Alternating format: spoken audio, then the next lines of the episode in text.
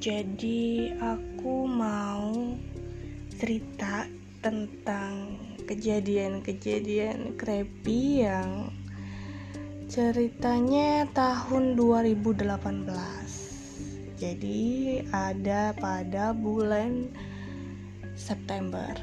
Hmm, September 2018 jadi di sini adalah cerita horor aku ya jadi ceritanya itu tentang aku mengalami kesurupan.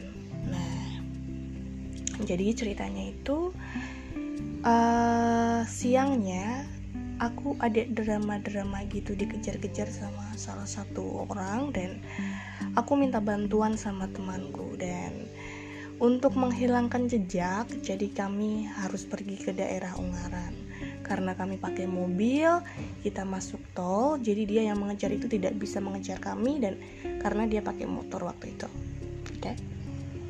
karena kejadiannya ini siang sekitar siang menuju sore sekitar jam 4 5 6 7 8 jadi uh, kita dikejar-kejar itu hampir lama banget dan menghilangkan jejak itu juga lama banget dan akhirnya kita sampai jam 11 ya kita makan dulu gitu. Jam 11 kita um, sampai di daerah Ungaran.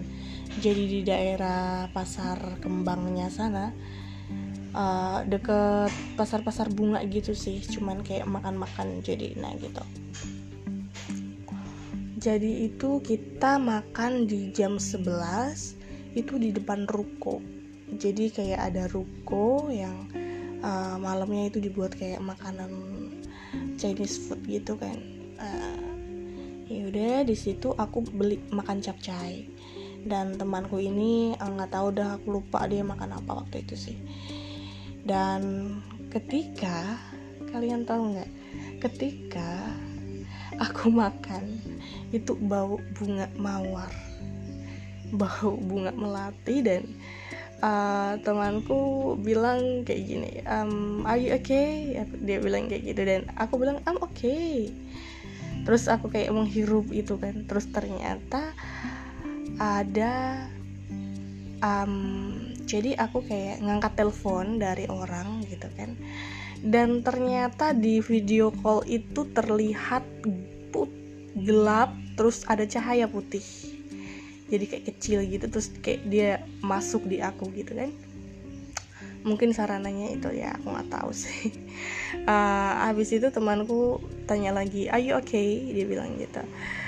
Dan aku bilang aku di situ bukan uh, I answer I'm okay tapi aku di situ kayak uh, mau cakar temanku gitu kayak benci banget sama temanku rasanya gitu kan.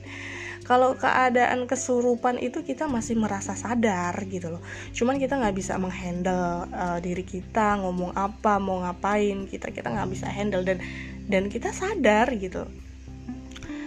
Cuman kita nggak bisa bawa diri gitu aja. Kita uh, sadarnya tuh kayak gini kita ngapain aja gitu kita tahu gitu kan.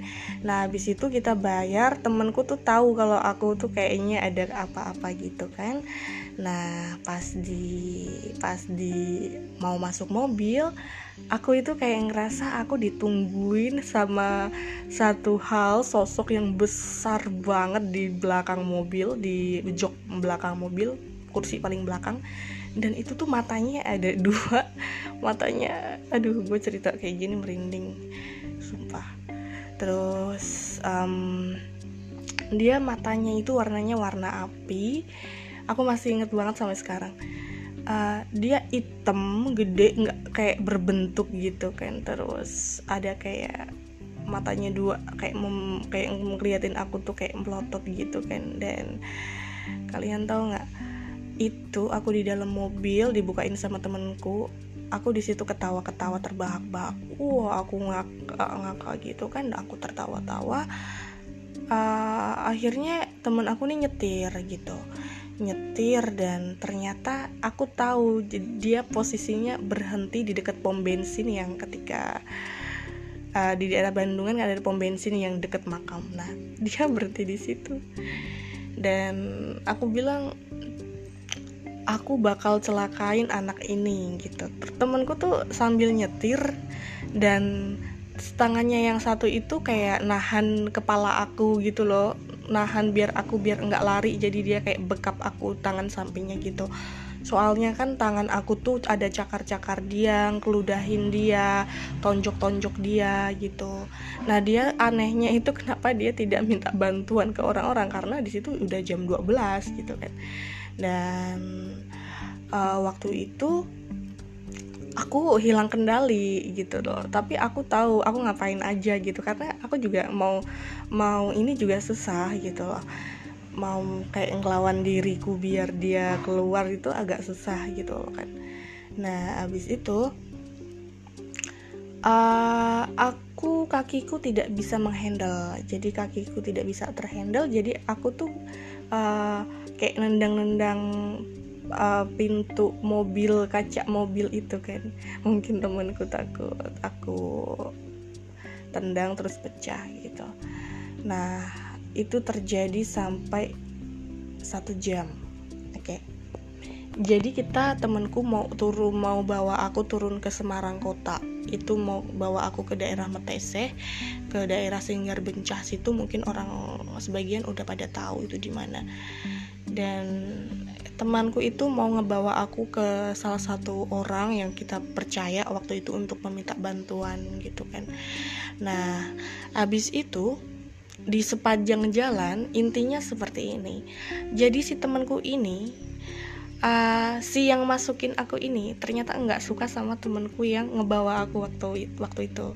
Dia nggak suka dia bilang jangan deketin si Agil si Rara gitu. Jangan deketin si Rara karena ini milikku gitu dia bilang. Yang yang rasukin aku bilangnya ini anak milikku karena aku suka sama dia karena anak ini cantik anak ini ini gitu. Dan ternyata dia yang yang apa yang masukin aku itu uh, dia ada nyebutin salah satu nama waktu itu. Namanya uh, adalah dan ternyata yang nyuruh laki-laki itu gitu. Ada salah satu laki-laki yang dia ya gitu. Intinya itu dia nggak suka sama temanku yang ngebawa aku gitu loh. Dan si yang kerasukin aku ini disuruh gitu waktu itu. Oke jadi sampai situ kita ada lewat di daerah Undip. Nah Undip ke bawah itu kan ada daerah Singar Bencah. Pasti orang-orang tahu kan daerah apa di situ? Yes itu daerah paling rawan dari yang namanya pembunuhan begal uh, hal-hal creepy lainnya itu di situ semua gitu loh. Dan ketika um, kita lewat di jalan situ tuh aku ngomong kayak gini kalau lu berani uh, bawa ini anak uh, kalau kamu berani bawa ini anak sampai ke daerah sana mau ke tempat orang itu dia nyebutin nama kamu akan aku bunuh. Nah yang rasukin aku bilang kayak gitu guys. Akan aku bunuh dan um, temanku ini bilang kayak doa gitu ke Tuhan Yesus karena kita sama-sama seiman jadi dia berdoa. Kayak nah waktu itu tuh aku kayak sedikit sadar aku bilang bang tolong aku. Aku bilang aku bilang waktu itu gini guys uh, Jesus help me please. Uh, aku bilang uh, Tuhan tolong aku tolong aku aku nggak mau seperti ini Tuhan. Oke okay, gitu gitu aku aku bilang Tuhan Yesus tolong aku Tuhan Yesus tolong aku. Itu sepanjang jalan. Nanti aku sadar dimasukin lagi sadar dimasukin lagi kayak gitu. Jadi kan aku ada bawa uh, kalung salib kan. Jadi aku tuh kalung salibku itu dibuang sama, sama aku sendiri sama yang rasukin aku gitu kan. Jadi aku patahin terus aku buang kalungku itu. Dan hebatnya ketika aku uh, temanku bilang enggak kamu setan anak ini sudah di ini sama Tuhan Yesus. Uh, setan itu ada bilang kayak gini sih. Uh, kamu tahu nggak?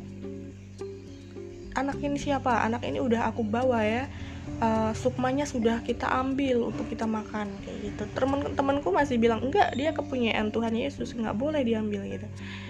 Akhirnya sampailah kita di salah satu rumah rumah orang yang kita, yang temanku percaya untuk buat bantu aku.